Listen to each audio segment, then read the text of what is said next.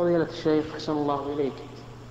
هل الدم الطالع الخارج من الجسم نجس؟ وهل يجب خلع الثياب عند أداء الصلاة؟ الدم الخارج من الجسم إن خرج من السبيلين أي من القبل أو الدبر فهو نجس. لأن النبي صلى الله عليه وعلى آله وسلم كان يأمر النساء في الحيض أن يغسلن دم الحيض.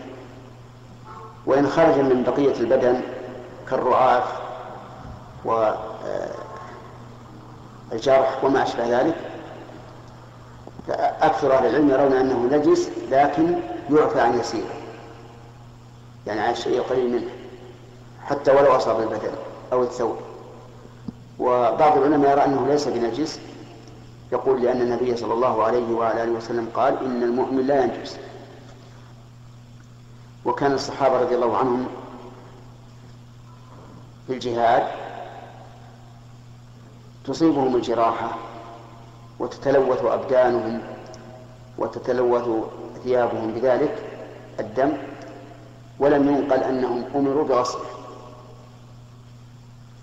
ولأن من فصل من الآدم طاهر. فلو قطعت أصبعه مثلا فالأصبع طاهرة. فإذا كانت الأجزاء إذا انفصلت فهي طاهرة فطهارة الدم من باب أولى. على أن الأجزاء التي تنفصل لا بد أن يكون فيها دم. لكن الاحتياط أن يغسله. إلا أن يكون شيئا يسيرا جرح للعادة فلا بأس أن لا يغسله. نعم.